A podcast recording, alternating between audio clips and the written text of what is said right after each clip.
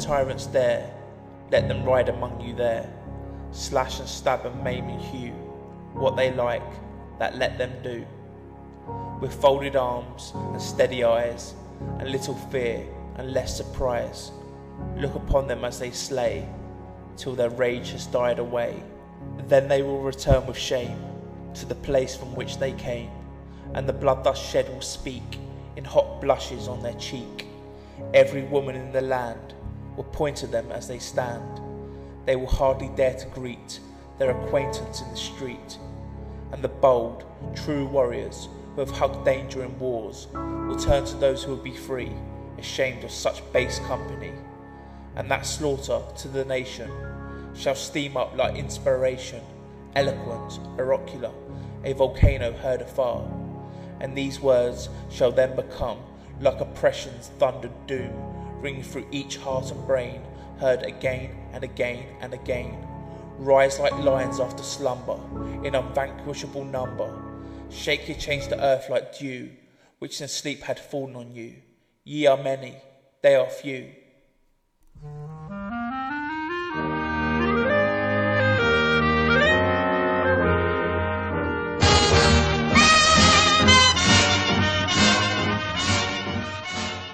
Det här var ett utdrag ur eh, dikten The Mask of Anarchy, Anarkins mask, från 1819 av den eh, brittiska poeten Percy Bysshe Shelley. Den handlade om Peterloo-massakern i ehm, Manchester. En dikt som handlar om eh, statens våld som sätter in mot en pacifistisk stilla manifestation och vad som sker i det ögonblicket när det är bara ena sidan som står för våldet. En dikt som hade stor inverkan sen på Thoreau som skrev och definierade begreppet civil olydnad. För i det här avsnittet av eh, podden Apans anatomi så ska vi prata om civil olydnad och kontrastera det mot andra former av olydnad som social olydnad och massolydnad. Och försöka liksom bena ut de här begreppen. Och varför just nu? Jo, det är ju passande nog då. Det har ju varit en eh, diskussion den här sommaren om civil olydnad igen. Det, det kommer ju igen vart ja, femte år och nu var det ju med Elin Ersson som gjorde det fantastiska stoppandet av ett plan genom att vägra sätta sig när en man skulle utvisas till Afghanistan och det blev, skapade en stor debatt, hennes egna agerande där. Och samtidigt så har vi nu eh, 25 augusti en eh, massolydnadsaktion på gång, eller civil olydnadsaktion som de själva kallar det, av eh, olika grupper och organisationer som kommer eh, på temat eh, inskränkningarna i strejkrätten. Den kallas Strike back, den här aktionen. Den följer liksom en modell från de senaste årens eh, massolydnadsformer. Så det är en bra utgångspunkt att börja, den här ensamma personen som bedriver civil olydnad och den här massolydnadsaktionen. Vi kan väl börja med liksom själva begreppet för det är ju myntat av eh, en amerikansk författare på 1800-talet, Henry David Thoreau. Mm. Har du läst hans Skogsliv i Valden?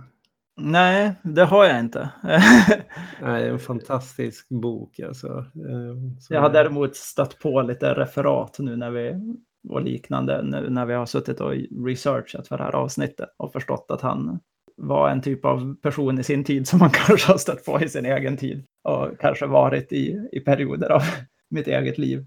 Nej, men däremot den här boken som vi har tittat på nu som heter Mm. Civil olydnad som är från, eh, när gavs den ut? 1849. Mm. Året efter kommunistiska manifestet. Ja, just det. Ja. Ja, alltså den, jag vet att den stötte jag liksom på sådär i 19-årsåldern eller någonting Mm. liksom och läste och jag vet inte om den gjorde så mycket intryck på mig då teoretiskt så. Jag var, väl- jag var väl intresserad av, av konceptet och av att liksom syssla med olydnad på olika sätt. Men jag tror att den här boken, den tilltalar mig mer när jag läser den nu. Den är skriven under alltså mexikansk-amerikanska kriget som var där på 1800-talet. Mm. Och slaveriet finns ju fortfarande i USA också. Han skriver ju den här kring en protest som han begår då individuellt, som är att han inte, han vägrar betala skatt till staten för att han inte moraliskt känner att han kan understödja det staten sysslar med i USA då vid den här tiden. Sen argumenterar han ju väldigt mycket kring vad regeringen eller regerandet ska vara i relation till, till folket. Det ligger ju någonstans mellan liksom anarkistiska tankar och kanske lite mer liberala, libertarianska tankebanor. Mm. Ja, den befinner sig verkligen mitt däremellan i båda de två, mm. två traditionerna. Han betonar väl själv i just civila olydnadsboken att han inte ser sig som anarkist, men den har ju någonstans influerat den anarkistiska traditionen, men även olika kristna och liberala traditioner i, i den här formen av civil olydnad. Om inte annat så känner man väl igen sig kanske lite som gammal anarkist i attityden och sådär. Så även om det inte är liksom ideologiskt fullt ut så, så har han ju liksom en, en lite så här fuck you-attityd till statsmakten. Liksom. Och det som eh, kännetecknar hans teori lite, det är ju en form av samhällskontrakt som han utgår från, precis som hela traditionen från eh, Rousseau och Hobbes och så, att vi har individuella rättigheter genom att eh, överlåta en del av vår av makten över våra liv så att säga till en suverän statsmakt som ger oss rättigheter och som ger oss, eh, som vi också har vissa skyldigheter emot oss så att säga, men vi får rättigheterna från den här statsmakten. Det finns ju även i hela den här liberala traditionen då att om statsmakten inte fullföljer, upprätthåller de här rättigheterna så har man ingen skyldighet att lyda den här suveränen längre. Man kan omförhandla hela samhällskontraktet igen och säga att ja, men vi accepterar inte den här formen av regering för att den är inte, den är inte rättvis, den ger inte oss rättigheter och eh, utse en ny suverän. Det här är liksom den, vad man ska säga, liberala traditionen av revolution. Det är när man då säger upp samhällskontraktet och kräver en ny förhandling, en ny, ny suverän som ska ge en bättre rättigheter och att den gamla suveränen har inte upprätt, hållit sin part av, av dealen, så att mm. säga. Det Thoreau gör är ju snarare att han lägger fokuset mycket mer på individen än staten i sin den här civila olydnad. Men det rör sig fortfarande inom den här kontraktsteorin. Mm. Men att eh, det är individen som är suverän någonstans och okränkbar och individens agerande, att den följer en moral och har ett moraliskt agerande, det är det som kommer först. Och statsmakten kommer sen, att den kan då liksom fungera organiserande för de här individerna, ska fungera ihop. Men individen är först främst skyldig att följa sin egna moral och går den här moralen på tvären mot statens maktutövning så ska man vägra följa statens lagar. Mm. Och att det här ser ju han i, i den här skriften som stora garanten mot att en regim ska bli totalitär. Mm. Får du samma intryck av att läsa hans bok? Så? Jo, det får jag och det är väl eh, han är ju ganska, alltså det, det märks ju att han iakttar i sin samtid en, en hållning hos sin omgivning eller sina medmänniskor som är liksom en, en passivitet. Mm. Att man kanske inte håller med om det staten gör, men agerar passivt inför det för att man inte anser sig ha något ansvar. Och det mm. tänker jag är så det som skrämmer honom jävligt mycket. Väldigt ofta senare när man ska beskriva hans teorier så blir det ju liksom Nazityskland som är det där stora spökexemplet i det här fallet. Individer som blint följer med, som lyder. Mm. Hans idé är ju på något sätt att den individuella moralen, att uppmaningen att väldigt många människor ska se att en sån individuell moral är det som ska skydda mot en sån typ av att makten kan skena på det sättet in i olika groteska beteenden. Så ena sidan har man då olydnaden i det här begreppet civil olydnad, andra sätt är civila. Och olydnaden i hans fall är det ju då att man ska vägra följa lagen och vara beredd att ta konsekvenserna också av det. Att, om, att de människorna som följer sin moral, liksom, om staten skulle bura in dem alla så skulle det inte fungera utan därför genom att vägra följa orättfärdiga lagar så, så kommer det liksom staten inte kunna på det sättet eh, bura in alla som inte följer. Och den andra aspekten, det civila, det är ju både hur motståndshandlingen ska ske, civil i bemärkelsen att det är liksom en civiliserad form av handling. Den är icke-våldsbaserad eller på det sättet civiliserad. Men också att det sker i det civila. det är en individuell handling men det är inte individen som gör det, det tysta i det privata anonymt i sitt hem utan individen går ut och gör det i den civila, i den offentliga sfären, i offentligheten.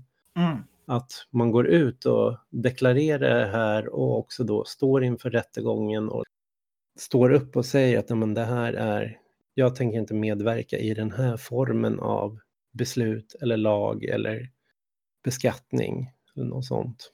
Mm.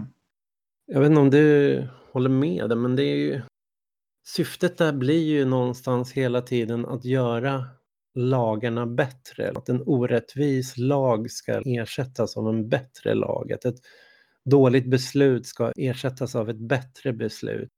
Det ifrågasätter inte kontraktet, det ifrågasätter inte staten eller att det finns en regering utan bara att det här är det sättet som man ser att det, det blir den bästa formen av regering och den bästa mm. formen av lag.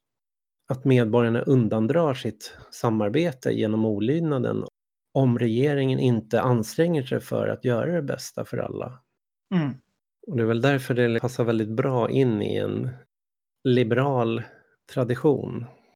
Ja, samtidigt som eh, även den här typen av olydnad, om man liksom hoppar in i sin egen samtid, så mm. skrämmer den ju för det mesta det liberala etablissemanget i, i samhället när den sker. Jag skulle verkligen inte säga att, att det finns en slags eh, common sense bland dagens liberaler att det här är en legitim metod inom demokratins ramar. Utan det är ju det är exakt den diskussionen som vi har haft nu i sommar. Ja, visst. Med den här flygplansstoppningen då.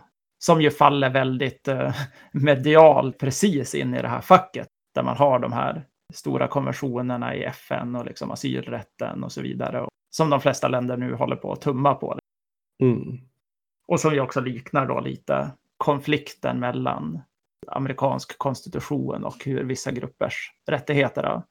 Det har funnits väldigt många situationer i USAs historia där kan man säga grundinställningen i konstitutionen krockar med specifika lagar.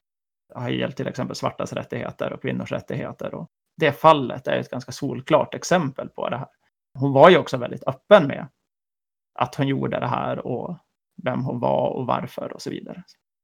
Där blir ju ofta en del av den här traditionen av civil olydnad är då att också att man ställer att någonting är lag innebär inte att det är rätt utan det finns någonstans en högre rättvisa och hos Thoreau är det liksom individens moral som är det där högre, att ens moraliska kompass är det.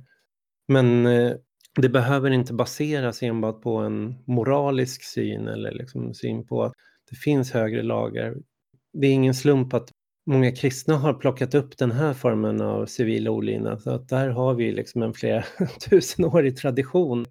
Vi har Guds rike liksom där det handlar om vad är det för värld Gud har skapat? Där människan egentligen skapat jämlikt och allting tillhör Gud och sen så har vi det människans rike som har lagar och kungar och suveräner och regler där just alla våra lagar och och regler ses ändå bara någonting som provisoriskt och temporärt och inte är den naturliga ordningen utan bara är en, en mänskligt konstruerad ordning på det här.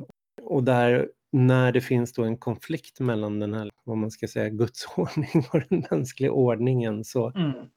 så kan kristna hävda till jag, jag tänker att om man liksom ska hoppa bort från att bara ta det, det så här kristna historiska exemplet, så i, idag tänker jag att ett väldigt närstående exempel är att man kan ha en, en idé om vars eh, att hur politiken i enskilda lagar och sakbeslut underminerar möjligheten till en framtid som är mm. i enighet med de så här abstrakta begreppen som vi säger oss vara helt överens om. I, mm. I våra samhällen idag så säger vi att vi strävar efter hållbarhet och jämlikhet och vi har massa sådana här begrepp som vi då kan se att det finns specifika lagar och politiska beslut och förordningar som totalt i sin kortsiktighet då står i konflikt med mm. att vi ska komma dit. Och då kan man också skapa sig en moralisk föreställning att jag agerar i en moral som handlar om att säkra en framtid mot den här kortsiktigheten. Jag tror att väldigt många tänker så kring mm. just den här formen av civil olydnad idag. Att så här, historien ja. kommer att ge mig rätt. Jag vill kunna stå till ansvar för mig själv och för mina barn och för framtiden. Jag skiter i om inte min mm. samtid eller de här politikerna förstår mig. Där har vi en, en högre moral som inte då knyter an till någon slags heligt rike eller en dåtid utan snarare till en framtidsbild liksom av, av vars vi är på väg. Mm.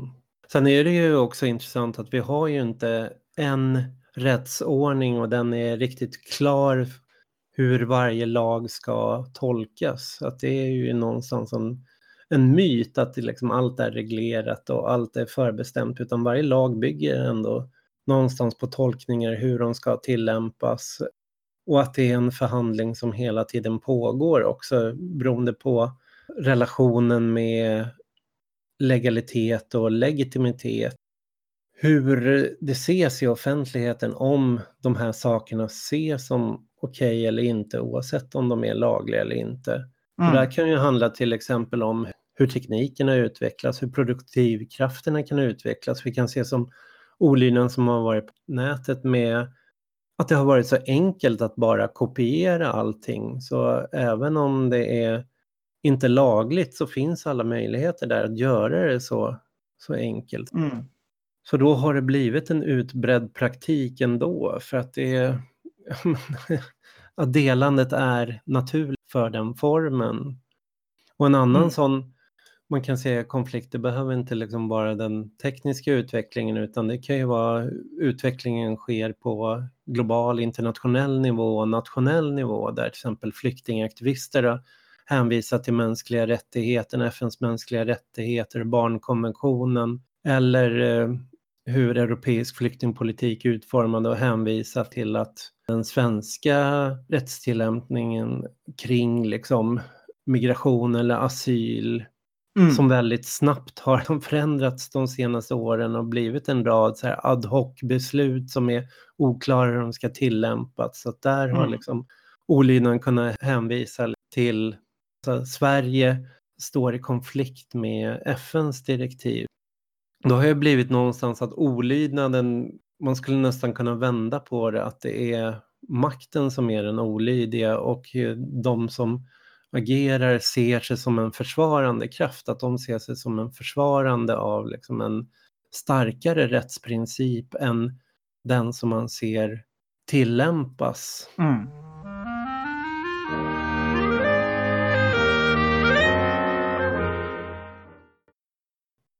Ja, det finns ju liksom en allmän berättelse någonstans om eh, speciellt de som förespråkar civil olydnad och trycka på att det är liksom hur många av våra rättigheter har egentligen inte kommit till stånd genom civil olydnad snarare än att man först har lobbat och bedrivit en opinionskampanj bara för att få till stånd en parlamentarisk förändring. Utan förändringen har ofta kommit att man har börjat massivt bryta mot de här reglerna och därefter mm. har lagarna justerats. Så att, ja, men ett, eh, ett väldigt kul exempel kring en så här, tragisk lag att homosexualitet klassades som en sjukdom ända fram till 1979.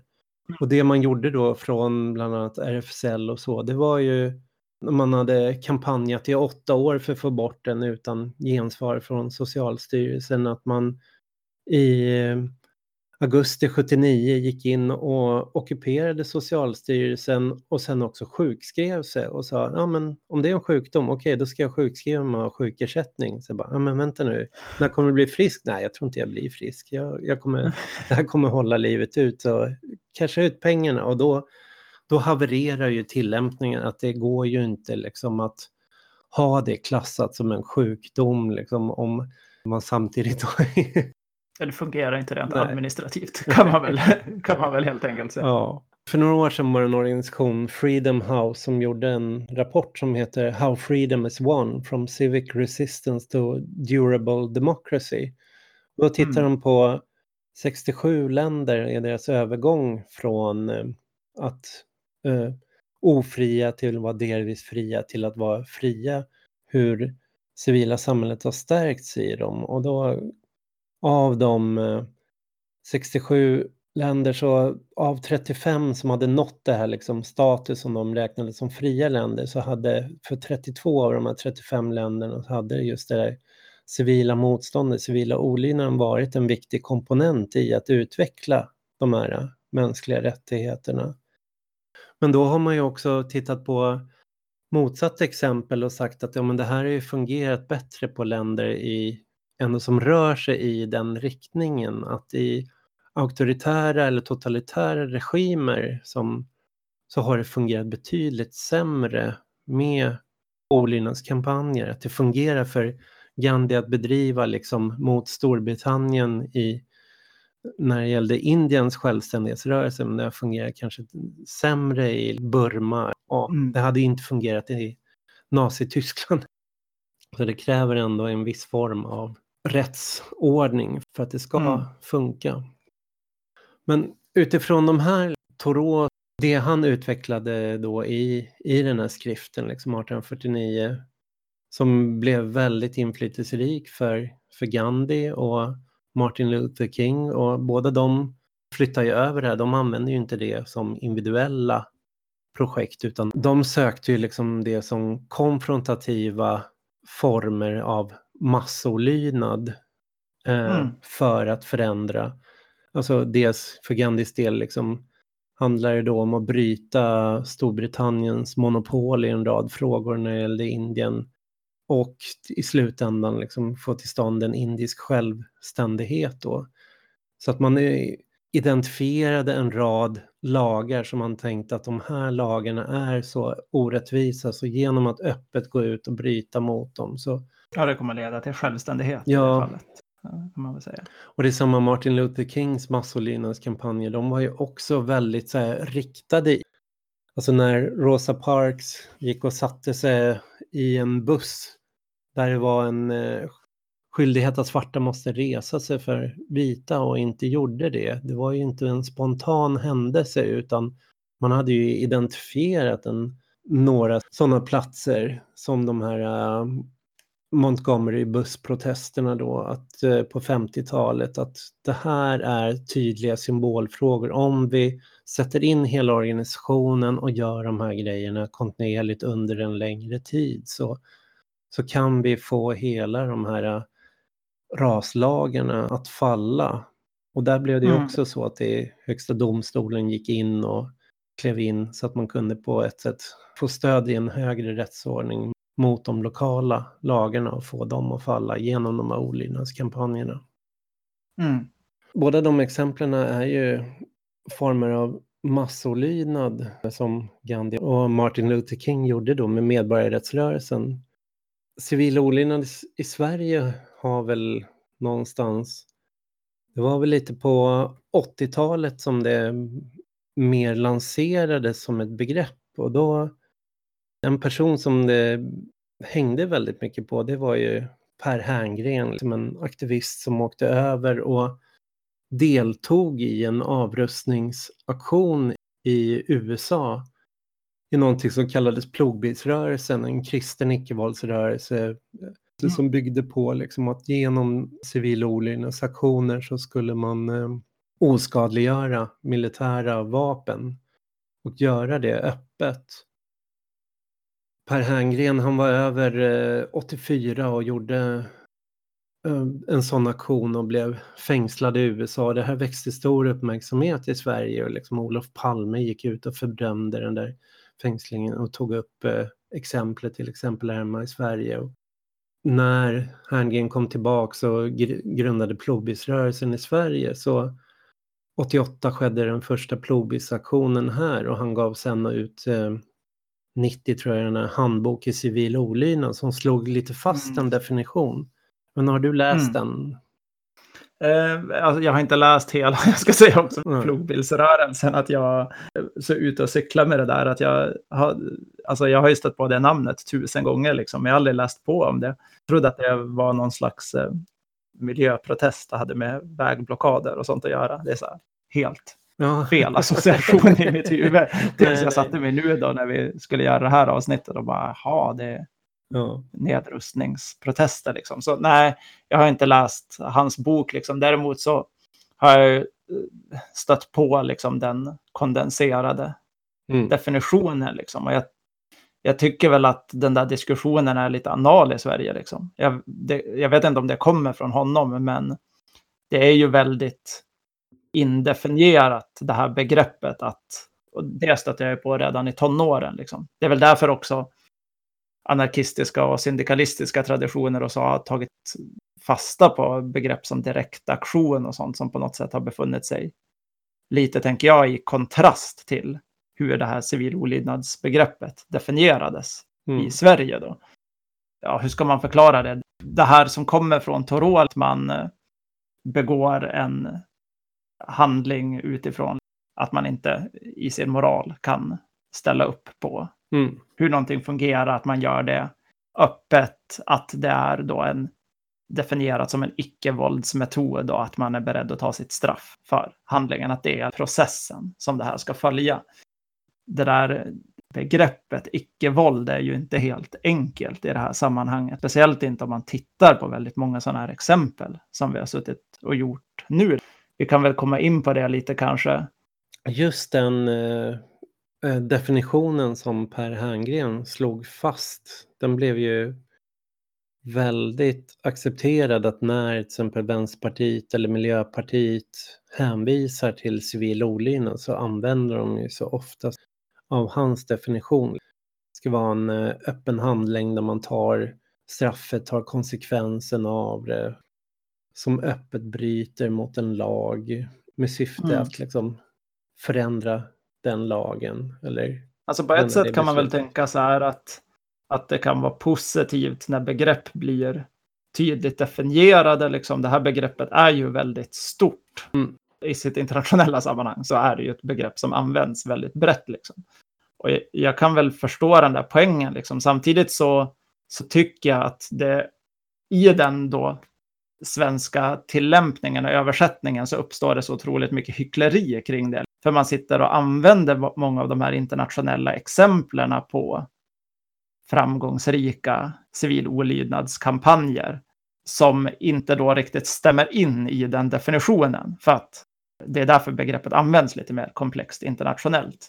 Mm. Det är ganska sällan som man kan se att det följer det här spåret så enkelspårigt i praktiken. Liksom. Den bär på ett väldigt amerikanskt arv, den här definitionen i och med att den lägger så oerhört stor fokus på lagen, rättegången, straffet. Mm. Och om man ser den tradition som har funnits av massolydnader, massolydnader som även har varit icke-våldsbaserade i Sverige inom miljörörelsen, inom fredsrörelsen, inom kvinnorörelsen, solidaritetsrörelsen, vänstern, alternativrörelsen så har det ju varit en rad massolydnadsprotester som har skett, som har varit icke-våldsliga, men som inte har, de passar inte in i Per Herngrens form. För mycket av de här plogbildsaktionerna som har varit, det byggde ju på att det var små grupper. Det handlar om att man förbereds en lång tid, planerade aktionen noga, gick ut, gjorde den aktionen var väldigt symbolisk för det verkliga syftet med var någonstans att skapa en, en kommunikation. Sen gällde det liksom att vara beredd då att kunna ta ett, ettårigt fängelsestraff eller leva med ekonomiskt skadestånd för livet. Så att det blev lite att man byggde upp en stödstruktur och sen var det några liksom proffsaktivister som kunde gå igenom de här, liksom göra de här aktionerna. Så att Plågisrörelsens aktioner, det, det skedde ju nästan bara en om året eller en rätt sällan liksom. Nu har det väl inte mm. skett sen, jag tror 2008 var sista och sista som har skett. Det har inte varit aktionstätt på det sättet och det har aldrig liksom blivit massolydnadsaktioner utan den formen av olydnad har, som eh, rörelser har jag använt har ju snarare handlat om eh, att hela tiden då tänka om hur kan man bli så många som går in i en konflikt, öppet bryter mot en lag eller blockerar ett bygge eller någonting sånt. Att liksom mm. repressionen inte ska bli möjlig. Att man försöker tänka sig att det ska inte bli möjligt att arrestera alla. Det ska inte bli möjligt att göra det, rättsprocesser av det. Eller att det, utan aktionens syfte är ju hela tiden att vända.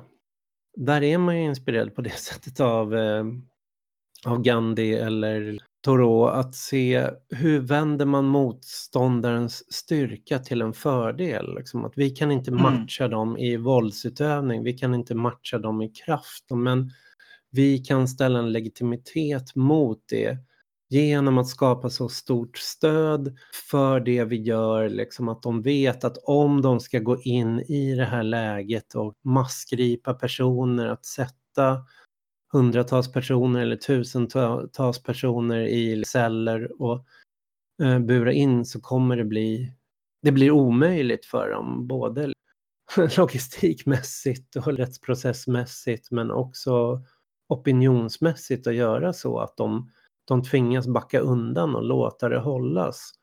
Och det är ju den formen av olydnad vi har sett i Sverige. Allt från, eh, vi kan ta eh, almstriden är ju ett typiskt sådant exempel. Miljörörelsen har gjort det i en rad av olika trafikblockader, man har gjort det av eh, ockupationer av, eh, av torg, av byggnader som, som ska rivas för att ge plats åt motorvägar. Kvinnorörelsen har, eh, och fredsrörelsen har gjort det i form av eh, olika former av läger mot militärbaser, mot NATO-baser, eller där det har funnits atomvapen, där man har liksom byggt upp de här lägren. Antikärnkraftsrörelsen gjorde det mot eh, både byggen av kärnkraftverk, mot transporter och i Sverige till exempel mot förvaret. Det finns mm. ju det här Kynnefjäll som har ockuperat i 20 års tid, där man först med en massaktion gick ut och stoppade provborrningarna, fick eh, polisen och ordningsmakten dra sig undan och sen eh, byggde en vaktstuga och vaktade det där, hade stora listor så att man kunde snabbt få dit folk när provborrningarna skulle komma tillbaks. Jag, jag vill bara återvända lite till, till en grej, liksom, för jag tänker att mm. vi ska komma in mer på det här med massolydnaden och exemplen på det. Men för mig som blev politiskt engagerad någonstans kring liksom millennieskiftet eller runt då, så jag tror att där syns ju ganska mycket vissa problem med den här civil olydnadsdefinitionen och vad den har blivit som politisk praktik. Mm. Eh, speciellt om man har utgångspunkten att det här ska vara något slags komplement eller en, en, en form av demokratiutövande. Så, så tycker jag att den specifika formen av civil olydnad som vi pratade om, som Per Herngren definierar, liksom, den blir ju lätt ganska elitistisk just på grund av det här du tar upp med. Mm. Det är en, en väldigt specifik grupp som har möjlighet att ta konsekvenserna av den typen av straff. Alltså dels att ha överhuvudtaget tiden och livsutrymmet att, att kunna avvara några månader av sitt liv åt det fängelse. Så att inte få konsekvenser i sitt arbetsliv och liknande. Alltså det, jag menar, det blir ju paradoxalt elitistiskt för att på vissa positioner, eller om man har vissa positioner, så kanske man kan ta det. Liksom. Vilket är mycket, mycket svårare om man har sämre livsbetingelser. Och det, det man började se där kring millennieskiftet, som jag inte riktigt vet när det dök upp, men Alltså Greenpeace på den tiden var ett väldigt bra exempel på det, för de höll ju på väldigt Mm. explicit med civil olydnad och kallade det för det och gjorde ju sådana här helt professionaliserade kampanjer där de begick civil olydnad som kommunikationskampanjer och de Mm. betalade också. De hade alltså ja, betalda anställda, antar jag, eller Ja. aktivister Ja. som på olika sätt var avlönade för att kunna ta de här konsekvenserna. Och där har man ju helt inordnat då den här formen av garanti mot en viss typ av maktordning i samhället i en den har professionaliserats, precis som politiken har professionaliserats. Liksom. Mm. Jo, verkligen. Den dras liksom in i samma problembana. Liksom. Och det är väl därför man eh, kanske, när man såg den tiden och, och vad det, hur det begreppet användes, eller vad det blev för praktiker av det, så blir man ju liksom lite avig inför det. Där är ju då den här typen av masslid och lydnadsaktioner, alltså just det här som du, du då tar upp med att göra saker på ett sätt så att repression inte kan utövas. Det är ju en mycket mer demokratisk och inkluderande tanke i, inom det egna projektets ramar om man säger så. Alltså inte kanske i relation till någon slags abstrakt demokratisyn utan Mm. mer de- demokratiskt inom den organisationen man arbetar. För att man utelämnar inte människor.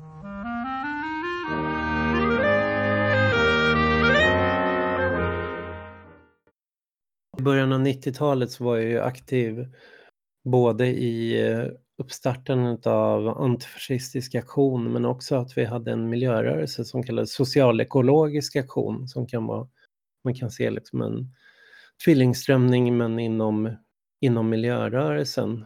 Det blev ju en väldigt hetsk strid mellan de här icke-våldsaktivisterna kring framförallt plogbilsrörelsen men andra som drev en väldigt liksom, ortodox eh, civil olydnadsdefinition och de här militanta aktivisterna. Och den polariseringen gick aldrig att lösa för att den lades alltid på ett så moraliskt plan att det handlade om så här, är våld fel eller inte? Så här, är, Mm. Eh, medan vi som jobbade då inom miljösvängen, vi reproducerade hela den här konflikten. Är, ska vi använda civil olydnad i sådana fall? Är bara det här och här, här tillåtet? Vi måste jobba på det här sättet. Och då blev det så att några grupper istället bildade slutna militanta aktionsgrupper som slog sönder vägmaskiner medan andra gjorde öppna civil olydnadsaktioner. Men sen kom vi till en punkt, bara, men det här går inte liksom längre. Hur kan vi sätta oss ner och diskutera hur vi kan definiera om hela det här olydnadsbegreppet? Och då slutade vi prata om det på ett moraliskt plan och pratade istället strategiskt och taktiskt och tänkte okej, vi vill samma sak. Vi vill stoppa det här vägbygget och vi vet att i Bohuslän fanns en stor kampanj eh, eh som Trädkramarna kallades de mot motorvägsbygge som hade gjort massolydnadsformer och vi började titta då liksom mer hur bygger man upp de här massolydnadskampanjerna? Då blev det liksom som vi bara löste den där gorgiska knuten, bara lämna den här moraliska diskussionen, lämna den här fasta definitionen av civil olydnad utan bara tänka just på det sättet. Så att vi vill att så många som möjligt ska kunna gå med ut och blockera de här vägmaskinerna, ockupera hus i vägen, ställa sig i vägen för vägbyggena. Men det kräver kanske att vi tar ett eh, aktionskonsensus om att det ska vara icke-våld. Vi går också ut att vi ska inte fördöma varandra. Vi tar diskussioner om metoder tar vi internt. Vi tar inte det liksom i, i vanliga media utan det är sånt vi försöker hitta konstruktiva lösningar på själva och framförallt när man då hade ställt den där, liksom att ja, men vi har en gemensam målsättning så blev varje diskussion taktisk istället. Det blev inte, är det rätt eller fel att göra så här, utan det blev, är det effektivt att göra så här? Uppnår vi verkligen vårt mål genom de här små militanta aktionsgrupperna? Så här, ja, I vissa fall kanske de är nödvändiga, men i andra fall så kanske de inte alls öppnar upp för att skapa en massrörelse att ska vi ha en massolydnad då funkar inte den slutna formen. Men det funkar inte heller att kräva att alla de som deltar ska vara beredda att ta straffet utan vi kanske behöver Nej. hitta andra sätt att ta den här diskussionen offentligt i det offentliga varför vi gör saker utan att folk ska kunna fällas för det. Och då insåg vi ju plötsligt att ja, men det är ju så de här olydnadsaktionerna, eller vad ska man säga, alla har byggts upp från 60-talet och framåt. Att de har ju haft mycket mer den likheten än att följa den här rigida civil olydnadsdefinitionen. Mm. Jag tycker också man kan säga att båda de här ortodoxa små aktionsgrupperna som är väldigt militanta och den andra sidan de som verkligen så lägger en fas på att man ska vara öppen och ta straffet. Jag tänker att båda de har en likhet i att det är en viss del av det här historiska civilolydnadsdiskussionen som man fokuserar alldeles för mycket på. Jag tänker att väldigt många sådana här små militanta grupper har väldigt starkt den här moraliska dimensionen. Alltså, det är inte en taktisk dimension, utan det är en moralisk dimension av att man gör saker för sin egen morals skull och får känna att så här, ja men det här är rätt inför framtiden. Liksom. Mm. Det handlar inte så mycket om, att, om hur man vinner striden, utan mer om hur det känns. Jag har stött på det mycket i djurets rörelser och sånt. Liksom. Mm. Mm. Där mycket aktioner handlar om det, så här, om att ge sig själv en känsla av att man inte står och tittar på, på det här massdödandet i det fallet av, av djur. Liksom. Mm. Det jag försöker säga är väl att, att båda de grejerna kommer ju då från Toro, men det är som olika delar av det. Mm. Man lyfter fram och berättigar sin, sitt val av strategi genom. Liksom. Så jag, jag tycker att man, man ska inte bara tillskriva det till de här icke-våld, icke-våld-delen, utan också till liksom, de militanta, så väldigt militanta olydnadsstrategierna. Mm. Alltså just det här, moral snarare än strategi liksom. Jag vet att Alternativ stad brukar trycka på det där när de pratar Malmstriden, att anledningen man vann där var ju att man hade skapat en så oerhört bred stöd för den kampen, de massprotesterna som skulle vara, men man gick också ut med att det skulle vara icke-våldsaktioner. Sen när polisen kom, då var anarkisterna där, började slåss med polisen, klättra upp i träden, rev ner staketen.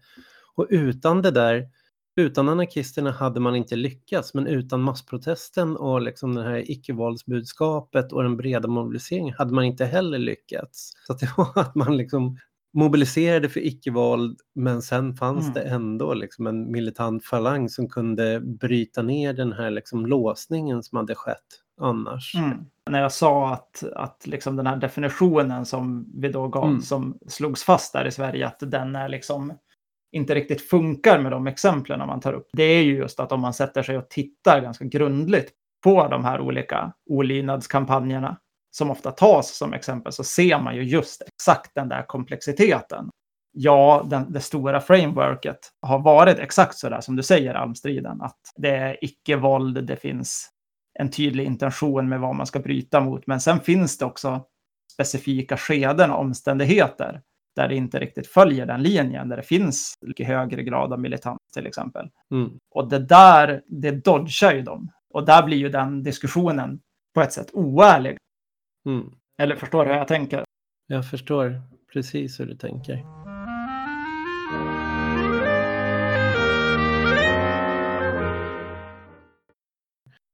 För man kan ju se sen eh, med de eh, rörelser som kom senare under 90-talet när det gäller motorvägsmotståndet mot uh, utvisningar av uh, migranter, fortsatta mot inom kärnkraftstransporter av avfall och så. Där blev det mycket mer uppbrutet de här skillnaden. Det fanns inte längre den här våld icke-våldslåsningen och sen när globaliseringsrörelsen och de här toppmötesprotesterna kom då börjar man ju ta in mängder av sätt att liksom försöka tänka om det här på andra sätt. De sociala center i Italien som jag var nere och bodde med och var verksam med, de tog ju till och med upp det här begreppet olydnad till den graden att de började definiera sig själva som disobedienti, de olydigas rörelse. olydnaden mm. blev samlingsbegreppet, men då använder de, ville de inte använda begreppet civil olydnad på grund av den här fixeringen vid individen och lagbrottet, utan de pratade om det som en social olydnad istället. Och social mm. olydnad menade de hela tiden att man måste följa två axlar och det är konflikt och konsensus. Det här är ju väldigt likt det vi har pratat om i populismavsnitten mm. av, av Carl Schmitt och Gramsci, liksom möjligheten att skapa hegemoni och antagonism. De två parametrarna, vänner och fiender, skapa vänskap och fiendeskap. Men det är mm. för att gå vidare i radikalitet så måste du hela tiden bredda din bas. Att uh, få med fler personer i en aktion så gäller det då att liksom också hitta vilken bredd har vi? Vilka personer är beredda att gå ut på gatorna och delta? Då, vilka konfliktnivåer kan vi lägga det på som de kan tänka sig delta i? Hur mycket kan vi höja den? Och behöver vi höja konfliktnivån? Hur ska vi då göra för att skapa större bredd kring det, skapa ökad legitimitet kring det för att den där eh, nödvändiga olydnads eller militansnivån ens ska bli möjlig. Till exempel man kanske måste blockera en transport eller man måste blockera en utvisning. Disobedienti de försökte ju liksom hela tiden, där var ju från globaliseringsrörelsen till hela motståndet mot Irakkriget. För deras del var det väldigt mycket transporter av militärt material och som gick mm. genom Italien där man utvecklade kampanjer av train stopping där man fick eh, järnvägsfacken att rapportera in vilka sträckor som det här transporterades på och sen så meddelade det till aktivistradio som sände ut och liksom beskrev rutten hela tiden och varefter fredsrörelser, vänsterorganisationer och aktivister kunde gå ut på spåren och delta i blockader av de mm. här mm. transporterna. Så då försökte man alltså verka hitta en olydnadspraktik som var liksom så låg tröskel som möjligt för många att delta i. Men ändå mm. var liksom att man gick ut och faktiskt aktivt blockerade snarare än att man kunde utvecklat en taktik att det var små militanta aktionsgrupper som bara saboterade tågspåren på de här orterna. Det hade ju man kunde ha stoppat tågen mm. men å andra sidan har man ju gjort folk rasande genom att hela tågtrafiken i stort också hade blivit saboterad. Jo, deras anspråk var kanske inte heller, som jag upplevt i alla fall, det är inte så här grundläggande anarkistiskt den där meningen att man bara inte erkänner staten som legitim överhuvudtaget, inte erkänner lagarna som legitima, utan man var ju snarare i en situation där Italien då var inblandade i i NATO och Bush startade kriget i Irak på extremt legitima grunder. Och det fanns ganska mycket just de här övergripande situationerna av att den globala makten betedde sig anarkistiskt. Att det följde grundläggande konventioner, att den började bedriva krig med falska förevändningar och så. Liksom. Så där kommer ju det där, som du nämnde, den där civila olydnaden som kanske snarare är en en lydnad liksom, eller ett försök att upprätta mm lydnad mot ett olydigt imperium. Ja. Få ett olydigt imperium att vara, bete sig lydigt. Liksom.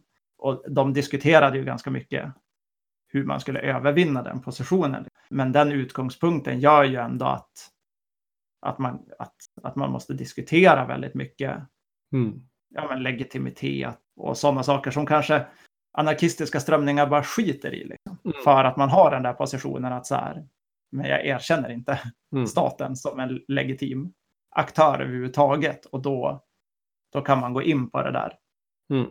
spåret att bara destituera eller liksom, mm. ska man säga försöka få så mycket som möjligt att inte fungera. Och det här i Italien så kom det ju också ur en lång period under 80 och 90-talet där de sociala centren hade återuppstått, börjat växa igen under kraftig liksom, statsrepression. Lega Nord, det högerextrema partiet, eller Italien Sverigedemokraterna satt som borgmästare i flera städer och bedrev krig mot de sociala centren och försökte storma dem och det blev enorma kravaller.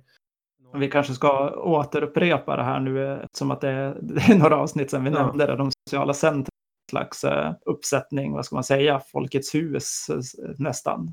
Ockuperade hus som är knutna till sociala rörelser som i de flesta fall då uppstod på 60-70-talet mm. i Italien som då hade en slags en ny typ av vänster, en autonom vänster. Men i och med att det här då ledde till en så destruktiv spiral man bedrev en form av motstånd, det skedde repression och så måste man bedriva antirepression och så satt man fast i den här spiralen med rättsprocesser och allt sånt. Så försökte, ordnar man ett stort möte med sociala center där man bara, men hur bryter vi oss ur det här?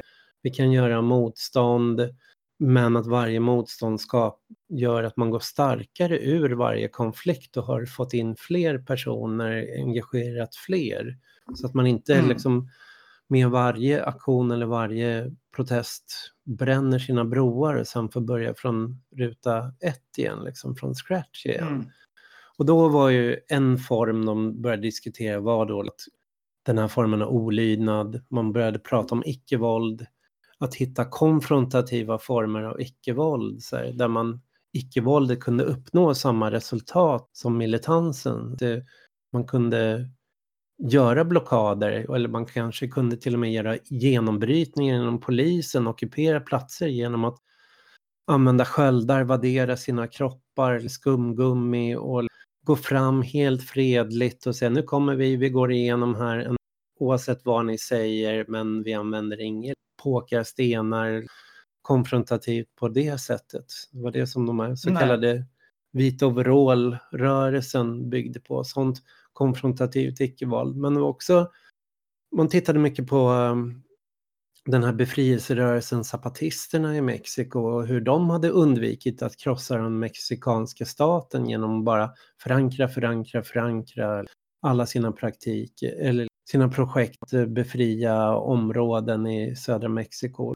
Och då tänkte de också hur man kunde använda sig av eh, parlamentariker som sköldar.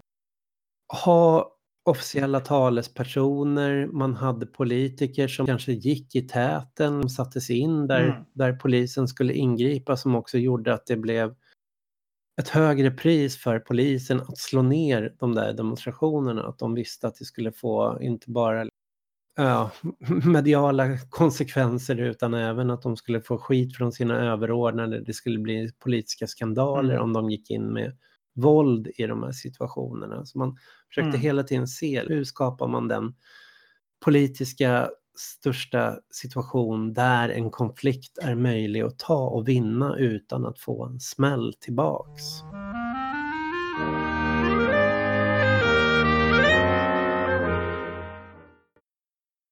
Kanske från det, de här olydigas rörelser, så kan det vara intressant att bara gå igenom kanske lite, i alla fall nu inför den här eh, 25 augusti strikeback, där vilka taktiker som har tagits fram då inom de här massolydnaden för att kunna genomföra de här formerna. Vi pratade ju om en så första form och det är ju de här ockupationerna, lägren, att man tar platser och ockuperar, bygger läger, gör dem bebodda, får många att delta, att när väl vägmaskinerna eller polisen är där för att tömma, eller kan vara en skog eller ett område för att bygga en liksom, flygplats eller NATO-bas, så blir det ett område att försvara. Mm. En zon att försvara. Och det också gör att eh, man har en större legitimitet på sin sida. Att men det här är vårt område, vi har bebott det, vi är här, vi har kontakter, rötter, förankring här och att försöka tömma den platsen. Det blir polisiära makten som blir angriparen. Och i folks mm. ögon så är det också där som man kommer få sympati med de som, de som är där, liksom, som försvarar platsen snarare än de som angriper den för att tömma den. Mm. Så lägret är ju en sån form. En annan sån form är ju de här globala aktionsdagarna där man hittade sätt att eh, skapa en taktikmångfald, att alla kunde delta. Man, gör, man hittar ställen att koordinera det på så att det sker samtidigt överallt. Så att det innebär också att om du gör blockader, aktioner under den dagen så kommer det ske som en bit av många andra bitar som sker och alla själva kan välja vilken nivå man vill delta på. Oavsett om det bara går ut och dela ut ett flygblad eller skriva en insändare eller fixa en paneldebatt eller gå ut och genomföra en blockad eller en massaktion så, så drar man sitt strå till, till den där stacken. Mm. Jag vet inte om du har varit med på sådana aktionsdagar globala? Jo, inte bara global, utan jag tänker att det också har varit ganska många sådana inom Sverige, inom olika Ja, ämnen under den här tidsperioden, alltså framförallt kanske under 00-talet. Att det var en ganska, det är väl det fortfarande i viss mån, men det var en vanligare form under 00-talet. Mm. När jag var yngre så upplevde jag det som extremt inkluderande. Liksom. Jag vet inte om det är att jag är lite dampig och, och har lätt att dras med i sånt där, men, men just den här grejen att bara se ett kol på internet, typ. Det här datumet ska vi göra någonting kring det här ämnet som man kände då att man brydde sig om. Och att det var väldigt lätt att göra en liten grej med sina polare och skicka in typ ett mejl till någon koordinerande sida och säga så här, vi gjorde den här grejen idag här eller liknande och synas i det sammanhanget. För mig så tycker jag det var ett väldigt lätt sätt att bli organiserad liksom och känna sig som en del av Ja. någonting. Liksom. Eh, en väldigt stark metod. Så jag har ju superbra erfarenhet av det. och samtidighet är så oerhört viktig. Känna att ja, men det är, jag är del av något större. Jag är inte ensam att stå här. Mm. Även om man bor i en liten ort och gör bara en liten grej så vet man att nu är det så här många människor världen över som går ut och agerar i, i Mm. samma stund just nu. Ja, det var ju så de här, eh, vi ska inte gå in allt för mycket på det, men det var ju ett gäng husockupationer 2008 i Sverige som väl föranledde eller var liksom starten på en stor våg av svenska husockupationer 2008-2009. Och de första ockupationerna som skedde i Sverige det året var ju liksom solidaritetsaktioner med Mm. sociala center och ockuperade hus ute i Europa som på olika sätt var utsatta för repression då, eller ja, gentrifiering och stadsuppstädningar och sånt. Så där, där kan man ju säga ett väldigt bra exempel på hur en sån global aktionsdag kunde, eller europeisk i det fallet, kunde leda till enkla praktiker som sen också blev någonting väldigt lokalförankrat i vissa fall. Alltså, Mm. Man kom att jobba vidare med de ämnena och liksom etablera platser lokalt utifrån det där. Just på grund av den där styrkan att känna sig som en nod i, i någonting större eller kunna få Mm. idéer och återkopplingar i ett sammanhang. Så jag tänker att det här verkligen inte är en metod som behöver bara vara så här dagslända aktioner, utan den kan Nej. faktiskt leda till lokal långsiktighet också. Eller jag har sett väldigt positiv, upplevt väldigt positiva exempel på det. Sen en annan man kan se som också kanske har lite drivits på av tekniken är ju också att det har blivit lättare att göra att alla är uppdaterade på plats över vad som sker och kan få ett, en informationsbild av hur förloppet går. Det gör att man inte har behövt ha massaktionerna koncentrerade på en plats längre utan man har kunnat sprida ut dem och skapa taktiker som vi brukar kalla svärmtaktiker. Att det kan vara, man delar upp demonstrationerna i flera olika delar, olika block eller fingrar som det brukar kallas, eller svärmar i små aktionsgrupper. Så att det, man genom Twitter eller genom sms-kedjor eller bara allmänt genom att följa liksom sitt flöde i mobilen kan veta vad som sker just nu och alla kan agera väldigt så här, samtidigt och koordinerat utan att det är egentligen någon central nod som styr alltihop. Mm. Och det är ju en form som har ökat något oerhört ja, de senaste 10-15 åren. Det är så lite protesterna kring ungdomshuset koordinerades, vilket skapade ett nytt ungdomshus. Det är så lite de senaste årens toppmötesprotester. De här protesterna mot kärnavfallstransporter till Gorleben och så i Tyskland som sen smittade av sig liksom in på toppmötesprotesterna och antifascismen, hur man genom olydnads aktionsträning lär sig att eh, inte liksom konfrontera polisen utan flöda runt polisen. Att hela tiden se polisen som ett hinder som ska tas runt. Liksom. Att man ska dit till vissa platser och blockera. Polisen kommer försöka stoppa en på vägen och om man vet vad polisen är så kan man genom att splittra upp sig, röra sig runt och flöda samman effektivt kunna göra blockader som blir mycket svårare för dem att säcka in, stoppa och hindra. Ja, jag har ju varit med om en rad sådana aktioner och det, är både så här klimattoppmötet i Köpenhamn och G8-protesterna i Tyskland i Heiligendamm och sen mot eh, G7-toppmötet i Hamburg förra året. Och... Hade du en smartphone redan på klimattoppmötet i Köpenhamn? Ja, jag, jag skaffade det tidigt som av sådana här syfte.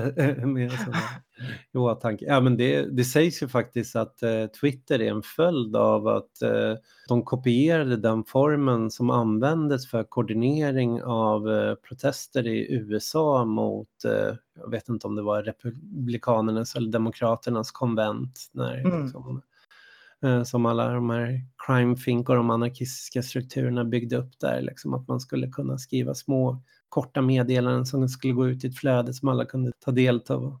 Mm. Och den formen av öppen kod bara liksom blev grunden till, till Twitter sen. Liksom. Så, ja, men i Hamburg förra året, jag, jag, kan ta det som exempel bara på mm. hur inspirerande det var. Att där jag var med i en struktur som vars syfte var att blockera delegattransporter in till toppmötet. Och det var mm. hälften av aktivisterna hade en bakgrund i antifascism, hälften hade ur eh, antikärnkraftsrörelsen, men man hade beslutat om en gemensam icke-våldsplattform och sen delat in sig i olika fingrar utifrån olika färger, liksom röda, blå, gröna, olika samlingsplatser och sen hade man kartor då, var är alla hotell, var är, kommer alla delegater fraktas in till det här toppmötet inne i stan då.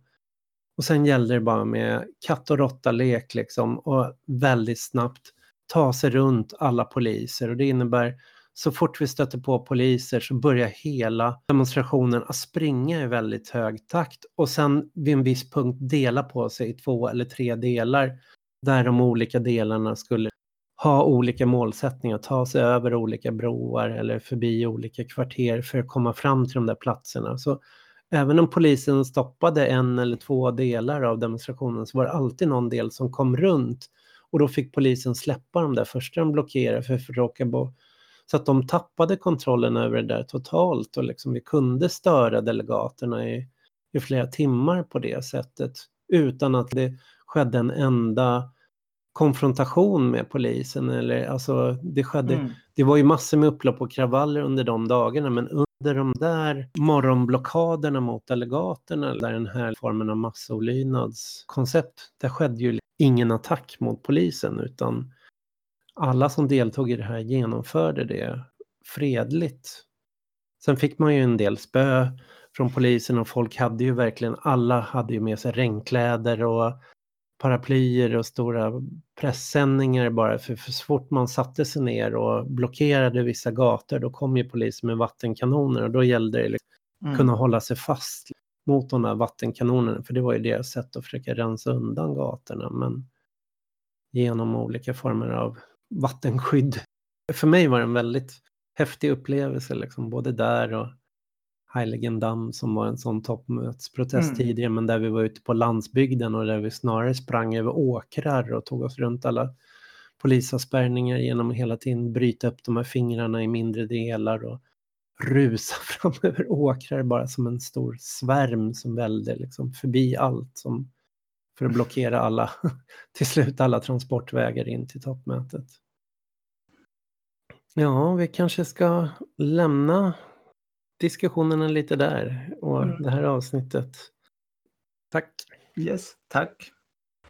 One of my favorite poets, Percy Bysshe Shelley, who wrote in the early 19th century many, many poems and traveled extensively around Europe. But the line I like the best is this one Rise like lions after slumber, in unvanquishable number. Shake your chains to earth like dew which in sleep had fallen on you. Ye are many, they are few.